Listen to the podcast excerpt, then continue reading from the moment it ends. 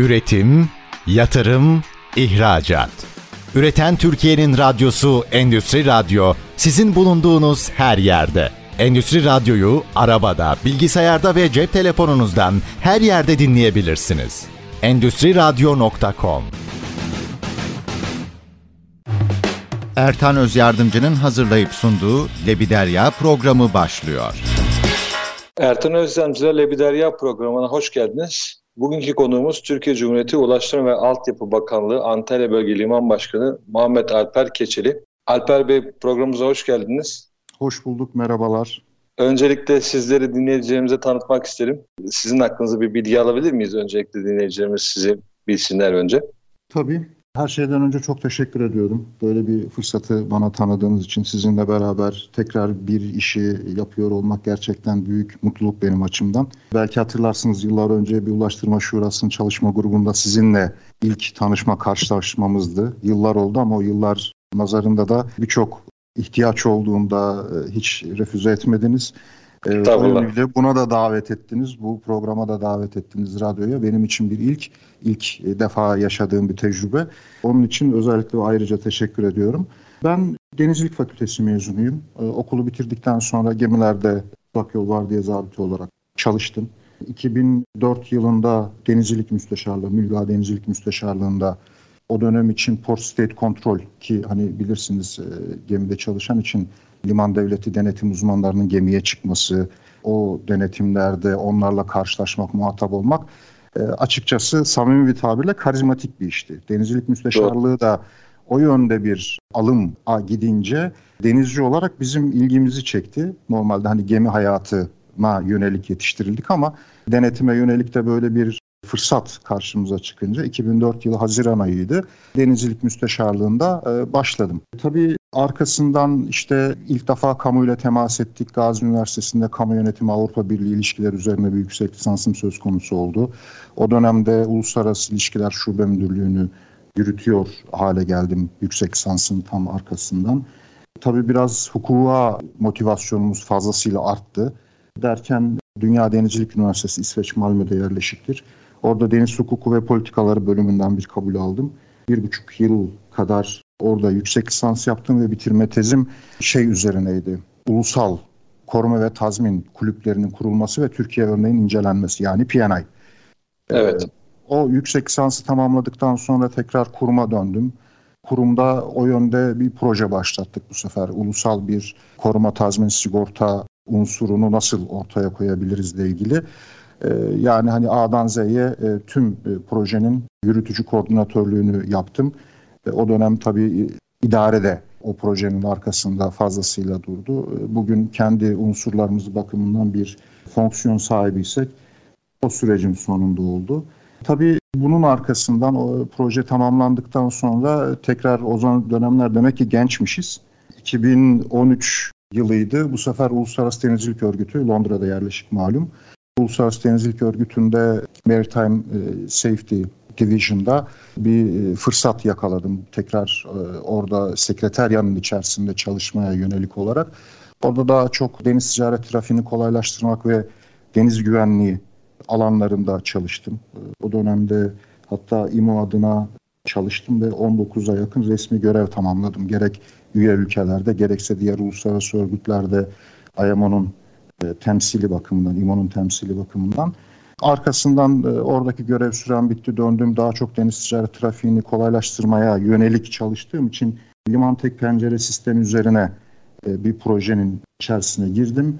Ve bugün hani e, birçok kurum özellikle gemi e, operasyonları bakımından söylersek acentenin birçok kurum nazarında karşılıklı bir şeyi var. Veri girişi var. O veri girişini tek pencere üzerinden, denizcilik tek pencere üzerinden sağlanması için o koordinasyonu ve kurumlar arası entegrasyonu, veri datalarının karşılaştırılması, aynılaştırılması, yakınlaştırılması, ihtiyacın gerçekten olup olmadığına yönelik bir çalışmanın sonucunda liman tek pencere sistemini idare açıdan, yazılım bakımından değil ama idare açıdan tamamladım. Süreç içerisinde ISPS'te görevlendirdi Denizcilik Genel Müdürüm. Son 8-9 ay onunla geçti. Liman tesislerinin güvenliği, gemilerin güvenliği, ISPS kodun etkin uygulaması bakımından koordinatörlüğü yaptım. Arkasından 31 Ağustos'tu Antalya'ya bölge liman başkanı olarak Sayın Bakanımız tarafından görevlendirildim ve o tarih itibariyle de 3,5 ay olduk herhalde. 3,5 aydır da bölge liman başkanı olarak devam ediyorum şu anda. Valla hayırlı olsun yeni göreviniz. Daha kısmet olmadığı ziyarete inşallah Antalya'ya geldiğimde yanınıza da uğramak isterim. Biz sizinle beraber ben de şimdi böyle biraz düşününce beraber yaptığımız şeyleri bu 2013 yılında Ulaştırma Denizcilik ve Haberleşme Şurası için bir denizcilik çalışma grubunda beraber bir rapor hazırlamıştık. Ondan sonra tabii siz orada asıl hazırlayan biz kamu tarafı olarak siz yük sizdeydi. Biz sadece özel taraf olarak bir takım sadece ufak girişler yapmıştık konuya. Asıl yine ilkler sizdeydi. Aa, işte yön ve vizyon vermişti. Çok net hatırlıyorum. Estağfurullah. Katkıları. Estağfurullah, estağfurullah. Sizin IMO'da Londra'dayken de beni kırmayıp ben iki kere size uğramıştım. Kahvenizi içmiştik, yemeğinizi yemiştik orada. Hatta Piri Reis'in haritasının orada sergilendiği bir bölüm vardı. IMO'nun içinde. Bizim Genel için grup kurul giriş alan. tam önündedir. Evet. Evet, orayı da beni ziyaret ettirmiştiniz. Yani görmüştüm yani benim de en azından dünya gözüyle İMO'nun içinde e, Piri Reis'in haritasında görme şansına ulaşmıştım sizi ziyaret ettiğimde. Benim için de güzel anekdotlar bunlar. Benim için de kıymetli şeylerdi. Size, dinleyicimize de paylaşmak istedim. Şimdi Alper Bey, liman başkanlıklarının e, şimdi çok sayıda liman var ülkemizde. Liman başkanlıklarının sayısı da yani bölgesel olarak var. Bu liman başkanlıklarının tam olarak görevleri hakkında dinleyicilerimizi bilgilendirebilir miyiz? Şöyle başlayayım eğer izin verirseniz Ertan Bey. Yani e, şimdi 71 liman başkanlığımız var. Bunlar 1 Nisan'da bir e, kanunla 21'i 71 liman başkanından 21'i bölge liman başkanlığı olarak belirlendi. Denizcilik Genel Müdürlüğü'nün uhdesinde bakanlığın tasarrufuyla, tensibiyle. Tabii şimdi e, denizcilik müsteşarlığı mülga olduğunda bu 71 limanın 71'i birbirine denk ve eşit olarak e, çalıştı. Geldi, süre geldi yani o 5 yıllık periyotta. Arkasından 1 Nisan 2022'deki kanunla beraber 21'i e, bölge liman başkanlığına dönüştürülünce kalan 50'si bu 21'in içerisine dahil edildi. Bunlardan bir tanesi de Antalya Bölge Liman Başkanlığı. Tabii bu daha dinamik ve etkin yönetişim bakımından daha opsiyonel hareket kabiliyeti daha yüksek olan limanların e, diğer limanlarla entegrasyonunu sağlayıp daha e, etkin bir yönetim sağlamak bakımından böyle bir tasarruf oldu. E, son dönemlerde de gerçekten hani ortaya konulmuş en başarılı projelerden bir tanesi Denizcilik Genel Müdürlüğü'nün yürüttüğü, ortaya koyduğu. Dolayısıyla burada tabii temelde limanlarda Hani e, bu hikaye kısmını yani tarihsel veya işte şu anda neredeyizle ilgili kısmını bu şekilde izah ettikten sonra hani liman başkanlıkları temelde ne yaparın ana felsefesi aslında denizcilik o kadar uluslararası bir şey ki temelde IMO'nun ortaya koyduğu sözleşmelerle, regülasyonlarla, kuralların etkin bir şekilde uygulanmasını sağlayan ana unsur liman başkanlıkları. Çünkü üye ülkeler sözleşmeye taraf olur, sonra iç mevzuatını aktarır iç mevzuata aktarım, mevzuatın ortaya konulmasından sonra bunu sahada e, gerek liman tesis bazlı gerek gemi bazlı uygulayan, denetleyen, takip eden, sertifikalandıran, belgelendiren liman başkanlığıdır. Yani evet. liman başkanlığını burada doğrudan mutfağın bizzat kendisi olarak tarif etmek lazım. Ama neden sonra tabii ki regülasyonlar ortaya konulduktan, e, taraf olma süreçleri tamamlandıktan, iç mevzuat aktarım süreçleri ortaya konduktan sonra o etkinliği sağlıyor. Ya bu da neye sebebiyet veriyor? Aslında işte uluslararası kurallarda bir yeknesaklık, global anlamda aynı e, uygulamaların sağlanması. Dolayısıyla denizciliğin çok daha dinamik ve etkin bir şekilde akışına sebebiyet veriyor. Liman başkanlıklarımız tabii e, diğer taraftan meri mevzuat kapsamında da bir takım yetkiler var. Meri mevzuat kapsamında da bir takım sorumluluklar var. Bu yetki ve sorumluluklar dahilinde iş ve işlemlerine devam ediyor. Yani hani 618 sayılı kanundan kaynaklanan yetkilerimiz var. Limanlar kanunundan. İşte 4920 sayılı denizde can mal güvenliği ile ilgili kanundan e, gelen e, bir takım yetki ve sorumluluklarımız var. Limanlar yönetmeliğinin kendisinden gelen e, yetki ve sorumluluklar var. Bunları dinamik bir şekilde sahada uygulamaya yönelik olarak faaliyetlerini yürütüyor liman başkanlıklarımız. Aslında şöyle belki biraz da halk dilinde diyelim bir yorum yaparsak her şey yolunda giderken liman başkanlığının bir sıkıntısı yok ama sorun oluştuğu zaman aslında hakem olarak o liman bölgesinde çünkü bir limanın limanda herhangi bir gemi, yabancı bayraklı bir gemi oradaki bir gemi üzerindeki personelin başına gelen bir konu, dalgıç dalması gereken bir kazayla ilgili bir durum, liman üzerinde oluşmuş herhangi bir hasar vesaire gibi böyle bütün mahkemeye gidebilecek, sorun yaratabilecek farklı ülkelerin birbiriyle farklı ülkelere mensup şirketlerin birbiriyle olan sorunlarında olaya el koyup devlet adına hakemlik yapan ve regülasyonu sağlayan tek noktadaki lider yönetim kuruluşu diyelim. Böyle bir şey diyebilir miyiz? Liman başkanı böyle ya bir deriz var. ama işte diğer taraftan da tamamlayıcı olması bakımından şunu da ifade ederiz. Özellikle denetleme, belgelendirme ve sertifikalandırmaya yönelik de iş ve işlemleri var. Yani sadece bir hadisenin e, ortaya Doğru. çıkmasına gerek yok. Diğer taraftan periyodik denetimlerle rutin akışında sağlıklı ve etkin bir şekilde liman sahasında gemi liman operasyonları, e, gemi gemi operasyonları bağlamında etkinliğinin de e, sürdürülebilirliğinin de doğrudan e, takibini yapıyor. Ha şöyle neyi e, yoktur dersek mesela işte yatırımcı kuruluş değil. Mesela hani yat marina ihtiyacı varsa liman liman alanlarının genişlemesine ilişkin belki görüş e, olumlu görüş veya uygun görüş veya işte farkındalıkla ilgili bir görüş verecekse dahi yatırıma ilişkin bir fonksiyonu yok. Ama onun dışında tamamen denetleyici, düzenleyici bir e, yapısı var liman başkanlıklarının. Antalya Bölge Liman Başkanlığı'nın sınırları nereye kadar? Yani çünkü Antalya büyük bir bölge. Ee, hangi bölgeler size dahil, hangi bölgelerde etkiniz bulunmakta liman başkanlığı olarak? Yani şöyle, şimdi az önce bahsettik 71'i 21'i bölge olduğu 21'e diğer kalan 50'si evet. bağlandı. O bağlananlardan en fazlalarından bir tanesi Antalya Bölge Liman Başkanlığı. Alanya, Manavgat, batı tarafında da Kemer, Finike ve Kaş olmak üzere 5 liman Antalya Bölge Liman Başkanlığı'na bağlı. Bu kıyı sathına baktığımızda 642 kilometrelik bir kıyı alanı, kıyı evet. şeridi doğrudan e, Bölge Liman Başkanlığı'nın uhdesinde. Tabii sadece Antalya limanı bakımından e, baktığımızda bu 70 kilometrelik bir liman idari sahası var Antalya'nın kendisinin ama bölge olarak 642 kilometre ki bu 642 kilometrelik alan hiçbir başka e, bölge liman başkanlığında olmadığı gibi bırakın bölgeleri Avrupa'da birçok devletin 642 kilometrelik kıyı şeridi yok. E, o Doğru. bakımdan da ciddi bir e, potansiyeli elinde bulunduruyor Antalya Bölge Liman Başkanlığı. Hatta işte Samsun bildiğim kadarıyla Samsun'a 8 liman bağlı, Antalya ikinci, 5 liman bağlı. O konuda da ikinciliğimiz var. Şimdi Alper Bey bölümün sonuna geliyoruz. Bir kısa aramız olacak. Ufak bir aradan sonra tekrar döndüğümüzde ben Antalya'nın turizmle ilgili olan fonksiyonlarını, limanın bununla nasıl entegre olduğu ile ilgili birkaç şey sormak istiyorum sizden. Reklamlardan sonra tekrar beraber olacağız. Üretim, yatırım, ihracat.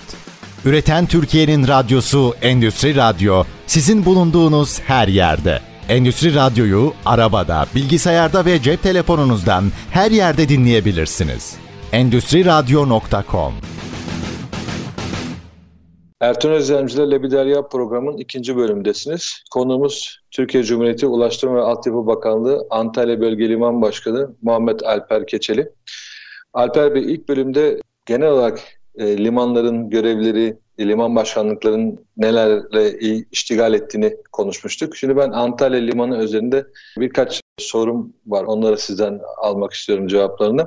Bildiğiniz üzere Türk turizminde Antalya şehrinin önemi e, hepimizin malumu. Turizmin lokomotif şehri. Özellikle kruvazyer ve yat turizminde de Antalya limanları ve marinaları ciddi anlamda yük taşıyorlar. Bu marina ve limanla ilgili olarak bize imkanları, kapasiteleri, turizmden nasıl pay aldıkları konusunda bilgi verebilir misiniz acaba? Evet teşekkürler Ertan Bey. Şöyle şimdi e, hani bir genel yaklaşımdan, genel perspektiften başlamak istiyorum. Sonra özelinde Provazuara yatağı turizme yönelik imkanlar bakımından bir girizgahın devamını getirmeyi arzu ediyorum. Şöyle şimdi e, Antalya'ya baktığımızda Antalya Limanı, Antalya Bölge Liman Başkanlığı öyle bir yapıya sahip ki denizcilikle ilgili e, aklımıza gelebilecek her şeyden biraz var. Butik olarak her şeyden var. Yani liman tesisimiz var, kıyı tesislerimiz var, tekne imalat yerlerimiz var, turizm e, teknelerimiz var, kruzyer limanımız var, konteyner elleştirmemiz var, kuru yük elleştirmemiz var, tanker, şamandıra tesisleriyle akaryakıt tanker elleştirmemiz var. Dolayısıyla her şeyden biraz var. Yani mesela ben de e, işte Antalya liman olarak konuştuğumda iki tane liman tesisini aktif olarak kullanıyoruz ihracat malları için ve kruvazör turizmi için kullanılan gene e, konteyner elleştirmesinin yapıldığı. Üç tane aktif Şamandıra tesisi var. Tüm akaryakıtı elleştiriyoruz. Sadece Antalya için değil tüm hinterlandını besliyor. Yani Burdur'undan Isparta'sına kadar. Ve düşünün e, tamamen bir lojistik ihtiyacını, lojistik ulaştırma enerji altyapısını besleyen bir unsur. Dolayısıyla evet. hatta sezonunda düşünün dünyanın altıncısı olmuştu diye hatırlıyorum Antalya Limanı yaz sezonunda. E, jet yakıtının gelip Şamandıra tesislerinde elleştenip de havaalanına intikalinin arkasından o potansiyeli yaşıyoruz. Dolayısıyla Antalya Limanı hani tamam işte gemi hareketi bakımından gene hani e, bir potansiyeli var, gelişmesi gereken bir potansiyel var. 600'e yakın gemiyi ağırlıyoruz. Kruvazörle ilgili daha detaylı konuşacağız. Orada gelen gemi sayımız daha e, ileri noktalara gelecek. Ama soru özeline döndüğümüzde yani hani Kruvazör turizmi ne yönelik olarak Antalya'daki durum nedir? Antalya'da 2014-2015'li yıllarda 200 bin yolcunun misafir edildiği, kabul edildiği bir altyapı var. Kruvazör turizm için yolcu terminali bakımından bir altyapı var. 2014-2015'lerde böyleyken bugün e, çok daha özellikle pandeminin etkisiyle güvenlik ve siyasi istikrarın Doğu Akdeniz bölgesindeki etkisiyle bu rakamlar çok daha sempatik yerlere doğru çekildi ama 2002 yıl 22 yılı itibariyle tekrar bir hareketten söz edebiliriz. 34 tane kruvazör gemi 2022'de limanda ağırladık. 35 bin civarında yolcuyu Antalya'ya getirdi.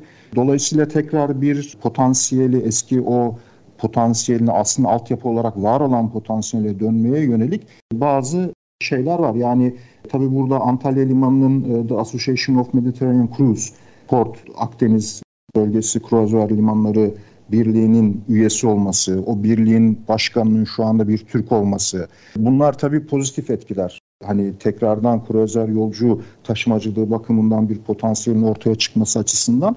Ama diğer taraftan da tabii bir göçmen, e, düzensiz göçmen kaçakçılığı ile ilgili bir alternatif rota denemesi var kriminal unsurların özellikle Filistin-Lübnan çıkışlı bazı teknelerle Doğu Akdeniz'de İtalya hedefli çıkışlar deneniyor. E, bu denemeler ister istemez bir güvenlik sorununa da sebebiyet veriyor. Başka sorunlar da mutlaka var ama bir tanesinden bahsetmek istiyorum sadece. Yani hani düşünsenize uluslararası hukukun getirdiği sorumluluklardan dolayı bir kruvazör gemi o tür bir hadiseyle muhatap olduğunda açık denizde e, ona müdahale etmek, dahil olmak durumunda. E, dolayısıyla bu tür riskleri tabii ki tur operatörleri dikkate alıyor. Tabii ki e, bu tür istihbari bilgiler onların da gündeminde. Dolayısıyla bu tür şeyler e, kruvazör turizminin o eski günlerine dönmesi bakımından Antalya'da bir takım etkilere sebebiyet veriyor. Ancak ben şahsen görüyorum ki e, burada mülki idare amirlik başta olmak üzere birçok alanda biz de elimizden geldiği kadar yanaşacağı rıhtımlarla ilgili eğer almamız gereken bir inisiyatif varsa bunu tereddütsüz yapmaya çalışıyoruz ki en azından Antalya'mız turizm, kruzör turizmi bakımından da yeteri kadar beslenebilsin. Diğer taraftan hani kruzör kısmı ile ilgili e, bu bahsi kapatıp şeye döndüğümüzde özellikle turizme yönelik ticari yat işletmeciliği, ticari tekne işletmeciliği evet. inanılmaz bir potansiyel var. İnanılmaz benim işte bağlama kütüğünde sicilde kayıtlı gemi sayısıyla bağlama yeri sayısı arasında inanılmaz bir uçuk fark var.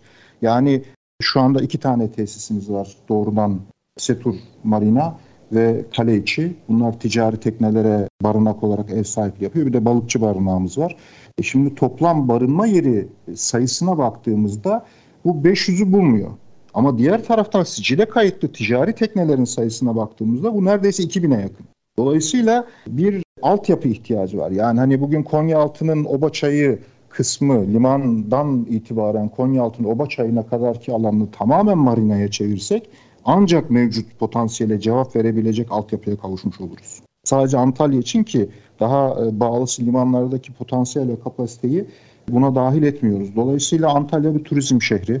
Dolayısıyla bizim liman başkanlığı olarak verdiğimiz gerek denetim, gerek sörve, gerek belgelendirmeye ilişkin işlemlerin birçoğu gerek özel yatta gerek ticari teknede biraz turizme hitap eden özel olsa bile en nihayetinde buranın bir turizm şehri olmasından kaynaklanan ilgiden dolayı insanların bir ilgisi alakası var. Pandemi dönemi de tabii bunu biraz etkilemiş. Dolayısıyla şimdi tabii böyle bir potansiyel varken altyapı bakımından da bir ihtiyaç aşikar. Bu konuda bazı projeler e, gündemde ama tabii hani süreç alıyor. Yatırım e, kanallarının e, daha dinamik çalışması e, gerekiyor. E, gerek özel gerek devlet kanallı.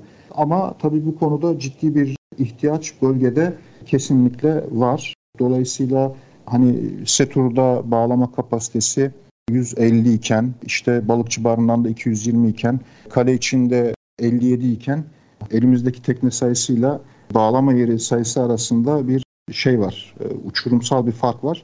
Bu altyapının İvedilikli Antalya'da karşılanması gerekiyor. O da e, çok daha özgün e, ve güzel bir görüntüye kavuşturur her açıdan turizm açısından da bir turizm şehri olması bakımından da birçok ihtiyaca da cevap verir. Yani düşünün en azından bir atık alım tesislerinin aktif olarak kullanılması ve kurulması lazım.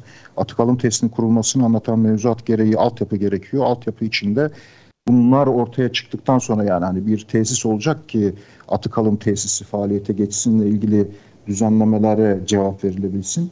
Bunlar da süreç içerisinde çözülecek diye liman olarak biz umuyoruz, bekliyoruz. Tabii siz teknik olarak bu talepleri yerine getirmek değil, bu talepleri sunmakla mükellefsiniz az önce söylediğiniz gibi. Sonuçta 500 teknelik kapasiteye 2000 teknenin ulaşmış olması orada bir hem güvenlik zafiyeti hem çevresel e, sıkıntılar yaratma ihtimali var.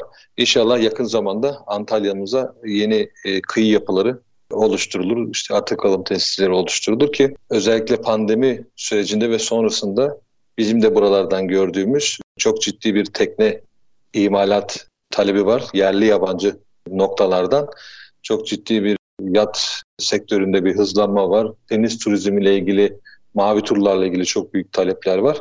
Bunların hepsi doğal olarak sonunda sizin olan bölgeye, sizin olan bölgede çok ciddi bir trafik, bir insan kalabalığı oluşturuyor. Ne kadar kalabalık bir ortam varsa o kadar da risk artıyor. Bunlara en iyi şekilde hizmet vermek tabii ki hepimiz için en en güzeli olacaktır.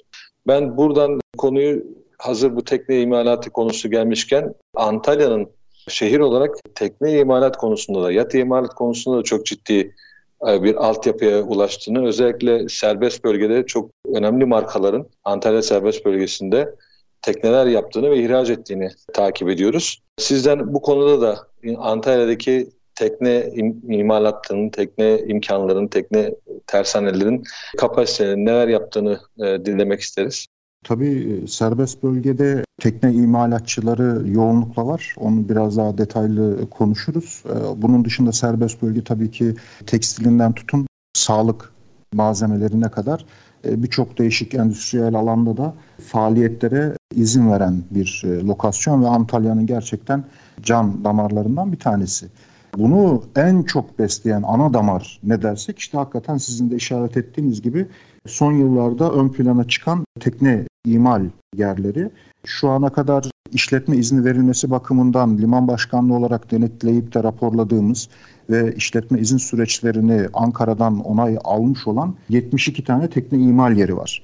Bunların periyodik denetimleri, bunların imal etmek istedikleri projeleri, tekne projelerinin onayları, belli Lloyd'a tabi olanlar, belli başlı bazı teknelerin deneme seyir müsaadelerini vesaireyi doğrudan liman başkanlığı olarak biz veriyoruz, yapıyoruz. Dolayısıyla burada tabii şeyle beraber özellikle pandemiyle beraber özel tekne sahibi olmaya yönelme, insanlardaki o toplu alanlardan uzaklaşma, biraz daha bireyselleşmeye yönelik e, ortaya çıkan e, psikoloji e, şeyi çok etkilemiş e, talebi. Tekneye yönelik ciddi bir talep söz konusu olmuş yerel unsurlar bakımından. Ama burada tabii sadece kendi kolluk kuvvetlerimize değil, e, dost ülkelerin silahlı kuvvetlerine de tekne imal eden, kolluk olarak kullanmaya yönelik olarak tekne imal eden imalatçılarımız var. E, dediğiniz gibi uluslararası markaların bir kısmına burada ev sahipliği yapıyoruz Antalya'da. Ciddi bir ihraç kalemi. Dolayısıyla bunu ortaya çıkartan faktörler e, ister istemez altyapı artık öyle talepler geliyor ki özellikle serbest bölgede tekne imali yönünde yer yok. Yani yer olsa bunun sayısı daha da artacak o boyutta artık. Ama 72 tane ile şimdilik devam ediyor serbest bölge. Ve buradaki e, faaliyetlerde e, özellikle ihraca yönelik olarak üretim, e, iç taleplerin, ulusal taleplerin cevap verilmesine yönelik üretimler bu yönde dinamik bir şekilde devam ediyor. Dediğim gibi liman başkanlığı olarak aslında gerek periyodik denetlemeler, gerekse yapı izni verilmesi, teknenin imar izninin verilmesi, deneme seyri müsaadesinin verilmesi, kontrolleri vesairesi de liman başkanlığımız tarafından devam ediyor kontroller. Peki bir şey danışayım. Burada örneğin için 70 küsür tane yer var. Bu tekne imalatla ilgili olarak yüzlerce talep gelse liman başkanlığı buna hepsine uygunluk verebiliyor mu yoksa planlar içinde şehirler için veya bölgeler için bir tekne imalat yeri sınırlaması var mı? Yani bu talebe göre bir destek olunuyor mu? Zaten serbest bölgenin sınırları şu anda full olduğu için yeni bir talebe onay verecek veya yeni bir talebi uygun değerlendirecek alan yok. Dolmuş durumda. Ser, serbest bölge dışından talep gelse ama buna uygunluk verme imkanı liman başkanlığı olarak var. Yani, yani şöyle, bir sayısal ilgili, sınırlama yani var mı? Meri mevzuat, meri mevzuat kapsamındaki ihtiyaçlara cevap vermeden zaten bize gelemeyeceği için diğer taraflarda da e, o işletme izinleri, ruhsatlandırması, diğer bakanlıklardan aldığı müsaadeler vesaire bunları tamamlayamadığından çoğu zaman serbest bölge dışına çıkmıyor. Sadece bir iki tane diye hatırlıyorum Aksu bölgesinde imalat izni olan var. Ama bu böyle bir müthiş bir trend gibi e, hani çok yaygın değil. Çünkü süreçler o kadar kolay değil girişimci bakımından. Dolayısıyla o şartları sağlama, işte serbest bölgenin avantajları var vergi anlamında. Dışarıda açtığınızda ona göre farklı bir alanda e, hizmete girmiş oluyorsunuz. Ona göre maliyetlerini doğrudan etkiliyor. Serbest bölgede açınca belki maliyetlerinizi e, çok daha düşük tekliflerinizi ona göre sunacak bir haldeyken dışarıda açmanın ortaya koyduğu ilave yükümlülükler var. Dolayısıyla şimdi açabiliyorsanız bunu serbest bölgede açmanız lazım. O marketteki avantajı yakalayabilmek bakımından. E bunu serbest bölgede açacak avantajınız kalmadıysa yer bakımından genişleyecek çünkü hinterland kalmamış. Tipik hikayeler yani zamanında Antalya'nın liman bölgesi, serbest bölge dahil limanın kendisi Antalya dışında bir yerken, uzak bir yerken e, bugün Kurma Liman Mahallesi diye komple çevresi e, yerleşimle sarılmış durumda. Ama bir gün tabii endüstriyel ve sanayi bakımından şehrin e, bu kadar büyüyeceği ve geri sahaların bu kadar ihtiyacı olacağı da düşünülmemiş, iskana açılmış. E, halbuki evet. E, o arkadaki o büyük parseller, iskana açılmış parseller şu anda açık olsa e, girişimci bakımından e, ciddi bir e, şey var aslında, talep var. Ama imkan var mı? Serbest bölge bakımından imkan yok. İzmir'de geçenlerde açıldı ikinci bir serbest bölge yanlış hatırlamıyorsam. Belki Antalya'da bir gün ikinci bir serbest bölgeyle ancak devam edebilir. Ama tabii biliyorsunuz o tür şeyler bugünden yarına çok kısa sürede olan şeyler değil. Doğru. Planlamanın 10 yıllık belki 50 yıllık planların içinde çoktan geçmiş olması lazım ki e, uygulamaya biz ya, görebilelim. Yoksa aslında ona değil. kadar yani hani tekne imali konuşuyoruz ama ona kadar mesela yapılacak çok daha öncelikli fırsatlar var Antalya için. Mesela çok ciddi anlamda e, yaş meyve sebze ihracatçısı bu şehir. Yani buradan tırlarla çıkıyor. Şimdi İl Tarım Müdürlüğü ile e, konuştuğumda buradan tırla gittiğini biliyor. Ama şunu bilmiyor. O tır gidiyor muhtemelen Çeşme'den Roro'ya katılıyor ve Avrupa pazarına ulaşıyor. Yani tutup da İstanbul'u geçip Balkanları geçip bir kısmı da öyle gidiyordur mutlaka ama ama onun yerine burada bir Roro hattı, Roro şeyine dönüştürsek sirkülasyonuna dönüştürsek doğrudan yaş meyve sebzelerin Avrupa pazarına o hatlarla ulaşmasını temin etsek e, çok daha dinamik sonuçlar ortaya çıkartacağız. E, bu ve buna benzer bir takım fırsatlar var. Yani işte Kuzey Kıbrıs'la yolcu yani hani bildiğiniz yolcu değil de turizm maksatlı turist olan yolcuyu taşımaya yönelik bir şeyler ortaya koysak çok evet. daha dinamik sonuçlar elde edeceğiz. İkinci bir serbest bölgenin ortaya çıkıp da tekne imalatı yönünde bir takım fazla ve farklı atılımların yaratılmasından ziyade yani hani o konuda da bu kadarlık söylemiş olalım. Evet sonuçta Antalya gibi önü açık imkanları yüksek bir bölgede bir şehirde yapılabilecek çok fazla e, atılım var. Hani var. Hep hep tekne yapmak yerine diğer kalan kısa kalmış gelişecek dalları da büyütmekte fayda var diyorsunuz. Şu anda bölümün sonuna geldik Alper Bey. Şimdi birazdan bir reklam arası vereceğiz. Reklamlardan sonra 3. bölümde tekrar beraberiz. Üretim, yatırım, ihracat. Üreten Türkiye'nin radyosu Endüstri Radyo sizin bulunduğunuz her yerde. Endüstri Radyo'yu arabada, bilgisayarda ve cep telefonunuzdan her yerde dinleyebilirsiniz. Endüstri Radyo.com Ertan Özdemir ile Bir Derya programının 3. bölümdesiniz. Konuğumuz Türkiye Cumhuriyeti Ulaştırma ve Altyapı Bakanlığı Antalya Bölge Liman Başkanı Muhammed Alper Keçeli. Alper Bey şimdi bir süredir son 3-4 senedir özellikle çok popüler bir konu var. Bu amatör denizci belgesi ve kısa mesafe telsizci ehliyetleri. Sanırım bu konuda böyle bir devletimizin bir hedefi var. Belli bir sayıda amatör denizciliğe ulaş, ulaşalım, bunu teşvik edelim. İnsanlar denize daha e, yakınlaşsın ve denizcilik biraz daha normal bir hayatın içinde var olan bir özellik olsun diye. Bu konuda Antalya Bölge Liman Başkanlığı olarak ne tarz çalışmalar yapıyorsunuz? Şu anda ne noktadayız bu belgelerin verilmesi ve eğitimlerle ilgili?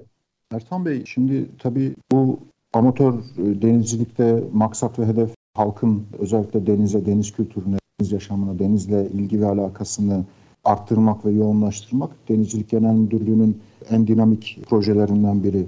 Halkla olan entegrasyonu.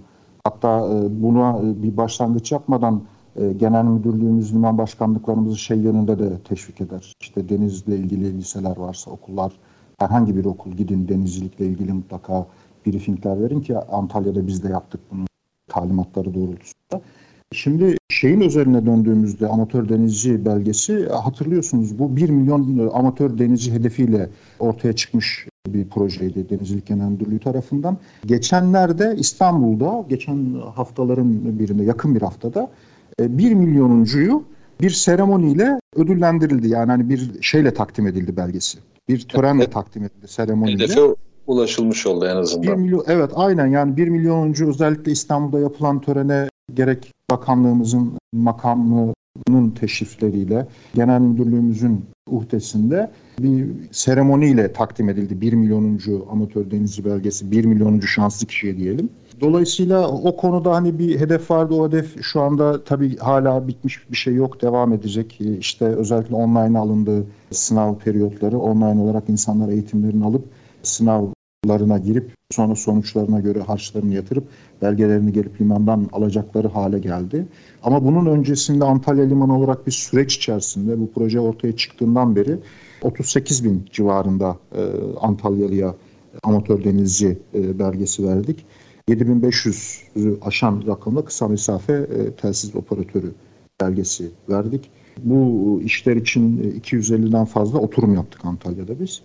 Tabii diğer kurum kuruluşlarla onların dikkatini e, çektik. Onlar da bir talep oluştuğunda belli bir yekün eğer fiziki alanlara müsaitse onların alanlarına gittik, eğitim verdik. Arkasından sınava tabi tuttuk. Sınavlarını değerlendirip başarılı olanlarla ilgili belgelendirme süreçleri yaşadık. Eğer diğer kamu kurumlarının fiziki alanları müsait değilse bizim sınav salonumuza davet ettik. Belli gün ve saatte o gün saatte geldiler, eğitimlerini aldılar, sınavlarına girdiler. Arkasından e, başarı durumlarına göre belgelendirmelerini yaptık. Dolayısıyla bu e, hani e, Antalya gibi bir yerde tabii ki denizci bir halk, denizci bir unsur, şehir Antalya. Dolayısıyla o konuda ciddi anlamda bir ilgi vardı. O ilgiye de mümkün olduğu kadar cevap vermeye çalıştık. Bunu bölge olarak söylemedim Antalya bölge. Sadece Antalya ili olarak böyle bir değerlendirmede bu. Ama genel anlamda da gerçekten hani e, insanların kültürel anlamda dikkatini çekmek. Böyle de bir şey var. E, biraz hani İtalya'ya gittiğiniz seyahatlerde belki farkındasınızdır. Yani insanın isterseniz dikkatini çekiyor. Neredeyse her kasabasında bir marina var. Direklerini sayamayacağınız kadar tekne var. Yani dolayısıyla e, bu insanlar 24 metreye kadar halk, vatandaş, insan, şahıs, kişi bu konuda belgelendiriliyor, özel tekne sahibi olabiliyor ise en azından insanları böyle bir motive eden bir şey. Dolayısıyla o motivasyon bakımından da değerli ve önemli olduğunu düşünüyorum bu işin. Bundan sonra da elimizden geldiği kadar desteklemeye devam edeceğiz zaten süreci. Alper Bey bildiğiniz üzere siz de zaten 2013-2016 yılları arasında orada başarılı bir görevde bulundunuz. IMO e, Londra'da merkezli.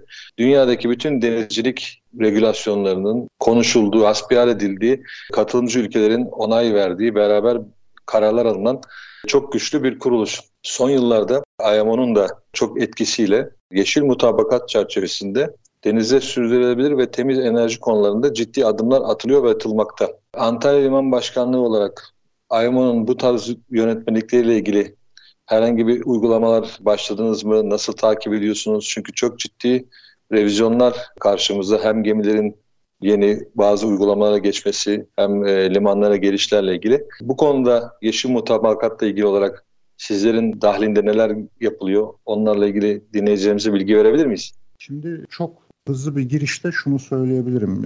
Özellikle bu salınımlarla ilgili yakıt tüketilen yakıttaki kükürt oranı ile ilgili e, düzenli denetimlere başladık. Gemilere çıkıp limanımıza gelen gemilere örnekler alıyoruz. Bir cihazımız var. Cihazımızla beraber e, kükürt oranını doğrudan tespit ediyoruz. Son dönemlerde İMO'nun çok gündemde tuttuğu konulardan bir tanesiydi. Bu çok hızlı, dinamik bir şekilde uyguladığımız bir konu ama genel kapsamda hani e, ilk başta girişte de bahsetmiştik. Temel yaptığımız iş aslında uluslararası sözleşmelerle ortaya çıkmış olan kurallar bütününün iç mevzuata idareler tarafından aktarıldıktan sonra doğrudan sahada denetim, gözetim, belgelendirme, sertifikalandırmasını yapıyor liman başkanlıkları. Bu konuda da işte Port State Kontrol'le özellikle denetimlerimizi e, aktif bir şekilde gerçekleştiriyoruz. E, özellikle yurt dışına çıkacak olan Türk bayraklı gemi içinde bayrak devleti denetimi yapıyoruz ki karşı tarafta gittiği limanda herhangi bir sorun sıkıntı yaşamadan bir ön sörve tabi olsun. Bir eksikliği varsa o eksikliğini sefere çıkmadan önce tamamlasın. Keza gelen gemi içinde liman devleti kontrollerini etkin bir şekilde yapıyoruz. Yani şeyi e, burada çok kısa bahsetmek lazım belki. Birleşmiş Milletler'in birçok özel ajansı var. Bu ajanslardan bir tanesi Uluslararası Denizcilik Örgütü. Ancak e, en etkin, en verimli, en dinamik e, kuralları uygulanan ajansıdır Birleşmiş Milletler'in IMO. Bunun da temel bu bunu ortaya koyan temel bir takım fonksiyonlar var. Yani bunlardan bir tanesi işte IMO Member State Audit Shame dediğimiz denetimler. Yani üye ülkeler e, sözleşmeye taraf olduktan sonra o taraf olma sürecine ilişkin iç mevzuatını aktarma ve bunu e, sahada uygulamaya yönelik olarak etkin bir şekilde altyapıyı oluşturmuş mu, oluşturmamış mı ile ilgili İMSAS kapsamında 5 e, üye ülkeden oluşan grup sırası gelen ülkeyi e, gidip idareler, ilgili idareler, özellikle Denizcilik İdaresi ve Denizcilik İdaresi'nin yanındaki ilgili idareler bakımından bir denetliyor. Bu denetimde bir takım öneriler, tavsiyeler varsa o da öneriler, tavsiyeler dahilinde mevzuatın şekillendirilmesi sağlanıyor. Dolayısıyla bu, bu etken. Yani hani bununla ne elde ediliyor? Ortak konsensüs, ortak zihin, ortak beyin tek elden aynı kuralı aynı şekilde anlayıp aynı şekilde uygulamaya yönlendiriyor üye ülkeleri. E, dolayısıyla bunun bir unsur olarak da liman başkanlıkları bundan doğrudan etkileniyor. Bir diğeri de memorandumlar. Biliyorsunuz bu Solas Marpol gibi sözleşmelerin ortaya koyduğu gerekliliklerin doğrudan gemiler tarafından ve liman tesislerince etkin ve doğru bir şekilde uygulanıp uygulanmadığını liman tesisleri tam bir konusu değildir Moğolların ama denetlenen gemilerin ilgili memorandumlarla takibinin yapılması İster istemez işte Türkiye Akdeniz Moğoyo'ya, Karadeniz Moğoyo'ya gelen gemileri denetledikten sonra onların sekreteryasına bir havuzda bildirimlerde, dönütlerde bulunduğu için denetim mekanizmaları çok etkin işlediği için sözleşmeler etkin olarak uygulanıyor. Mesela UNEC var Cenevre'de. UNEC'nin ortaya koyduğu sözleşmeleri bu tür denetim mekanizmalarıyla takibatını arkasından yapamadığı için ülkeler taraf olduktan sonra nasıl uygulandığı, nasıl e, tercih edildiği, nasıl aktarıldığıyla ilgili hiçbir fikir yok. Kaynak da yok, bilgi de yok. Ama İMO için aynı şey geçerli mi? Değil işte. Çünkü denetim mekanizmaları var ve etkin şekilde ortaya konuluyor. Dolayısıyla bizim de gerek Denizcilik Genel Müdürlüğü'nün ilgili birimlerince gerek liman başkanlığımız içerisindeki e, ilgili birimlerce bu tür yeni uygulamalar, bu tür yeni kurallar yani hala şunu benim kendi birimimde, servisimde kıyı yapıları denetim ve belgelendirme servisinde arkadaşlarımın SOLAS'ın işte chapter 11 B kısmını şöyle anlarım, böyle uygularımla ilgili bir şeyleri hala tartışıyor olması, konuşuyor olması güzel bir motivasyon, güzel bir profesyonel iş motivasyonu. Hala bunlar var. Bunlar çok güzel şeyler. Ama bu da tabii biraz İMO'nun ortaya koyduğu düzenlemelerdeki dinamizmden kaynaklanıyor. Yani o ortaya çıkıp da ortada kalmıyor ortaya çıktıktan sonra uygulamaya yönelik prensipler dahilinde işlediği için oradaki etkiler çok önemli. Hala bunları görüp duyup şahit olmak ayrı bir motivasyon veriyor tabii profesyonel yaşama. Dolayısıyla biz özellikle tabi olduğumuz Akdeniz Memorandum çerçevesinde e, PSC kontrolleri, burada hiçbir zaman şeyi kaçırmıyoruz, e, sorumlu olduğumuz yüzdeleri denetim bakımından. E, dinamik bir ekibimiz var. Birçoğu denizcilik okullarından, gemi inşaatından vesaireden mezun.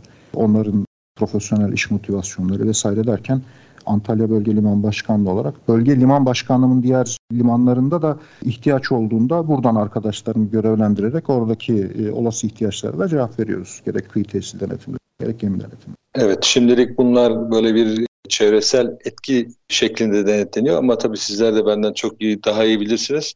Yakın zamanda bunlar karbon ayak iziyle ilgili olarak karbon borsasına entegre olacak bu ölçümler, bu katsayılar.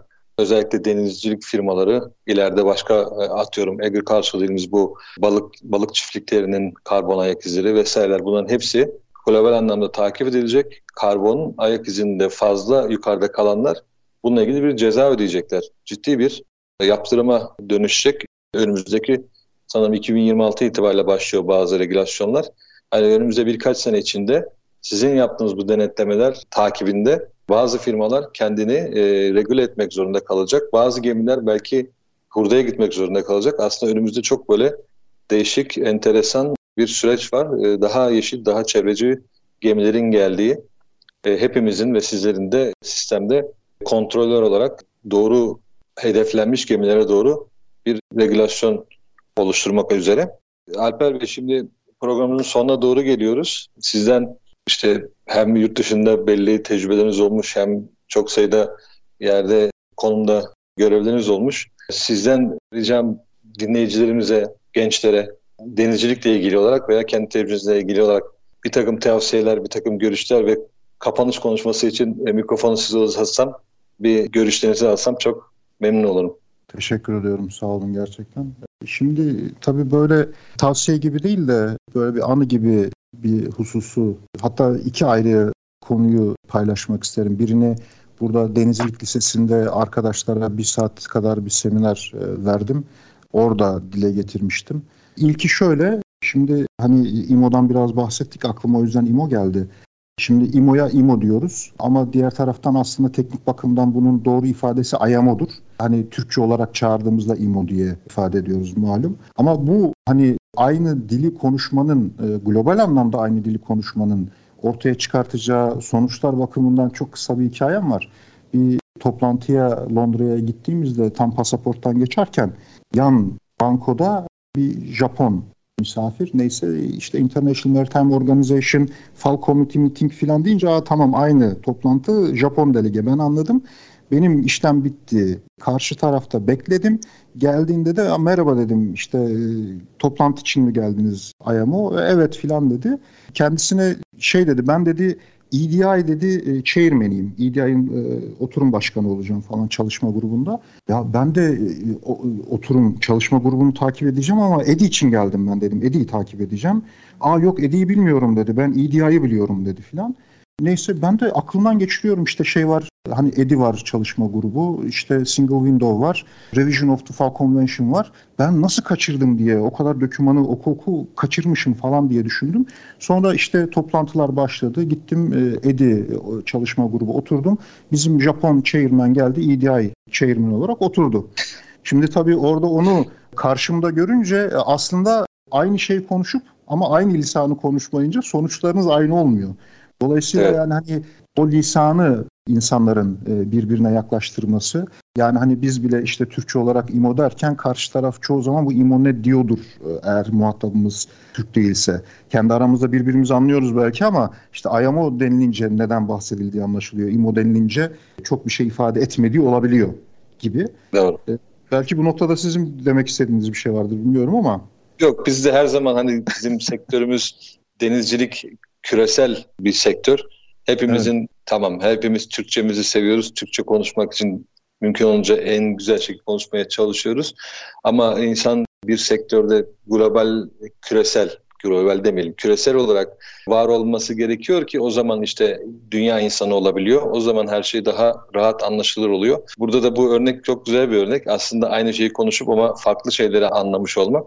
Bence de bu şey en azından hepimizin evlatlarımıza da tavsiye ettiği bir şey. Kendi özelimizde hiçbir şeyi unutmayalım ama küresel olabilmek dünya insan olmak için çok önemli bir detay bu. Ya Denizli'nin kendisi de tamamen gerçekten dünya insanı. Yani hani böyle turist olarak yapamayacağınız, farklı bir profesyonel meslek dalında yaşayamayacağınız olasılıkları e, görme imkanına sahipsiniz. Bu bahsettiğim Denizli Lisesi'nde de şeyden bahsetmiştim. Yani ben işte gemiyle bu gemi kısmı için bizim limanımız var, acentemiz var, birçok fonksiyonel evet. var.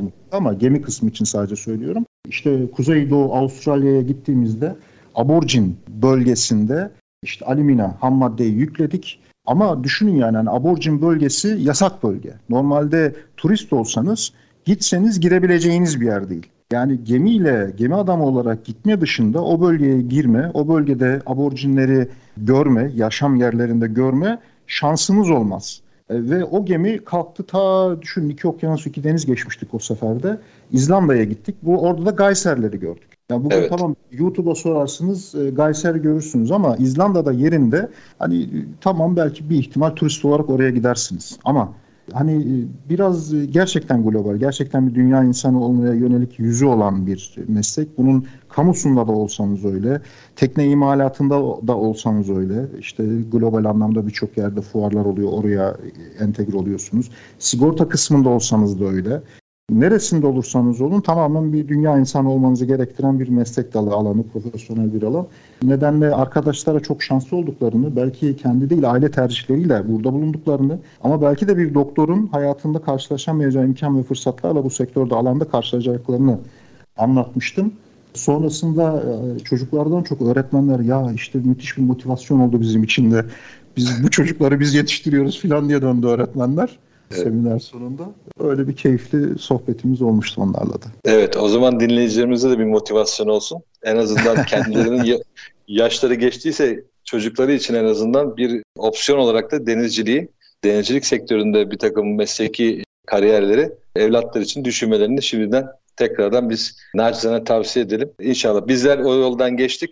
Sonucundan memnunuz. İnşallah onlar da Ertan Bey, Buyurun. Kısaca şunu söyleyeyim burada. Kesiyorum sizi kusura bakmayın. Estağfurullah ne demek. Arkadaşım dedi ki aynı sizin dediğiniz gibi yaş biraz geçti benden konuşuyoruz. Hani ben gemiye tekrar çıkmakla ilgili bir fikrim olabilir, çıkabilirimle ilgili bir şeyler söylediğimde ya yaş biraz geçmedim falan ya ona çok şey yapmıyorum. Yani Deniz hani çok yaşı yok diye düşünüyorum. İnsanların evet. her zaman bir ilgisi olabilir, bir merakı olabilir. Uzun olmaz kısa olur ama bir şekilde Deniz bir şekilde özlenen bir şey. Doğru. Bir kere Tuzlu Suyu'ya tanıştık mı tekrar arıyor insan. kesinlikle kesinlikle. Alper Bey gerçekten katılımınız için çok teşekkür ediyorum. Uzun süre sonra tekrar en azından bir sohbet imkanımız oldu. İnşallah tekrar hem radyoda bir araya gelebiliriz hem de makamımıza sizi ziyaret etmek isterim. Programımızın sonuna geldik. Dinleyicilerimize de biz dinledikleri için çok teşekkür ederiz. Başka programlarda tekrar görüşmek üzere. Esen kalınız.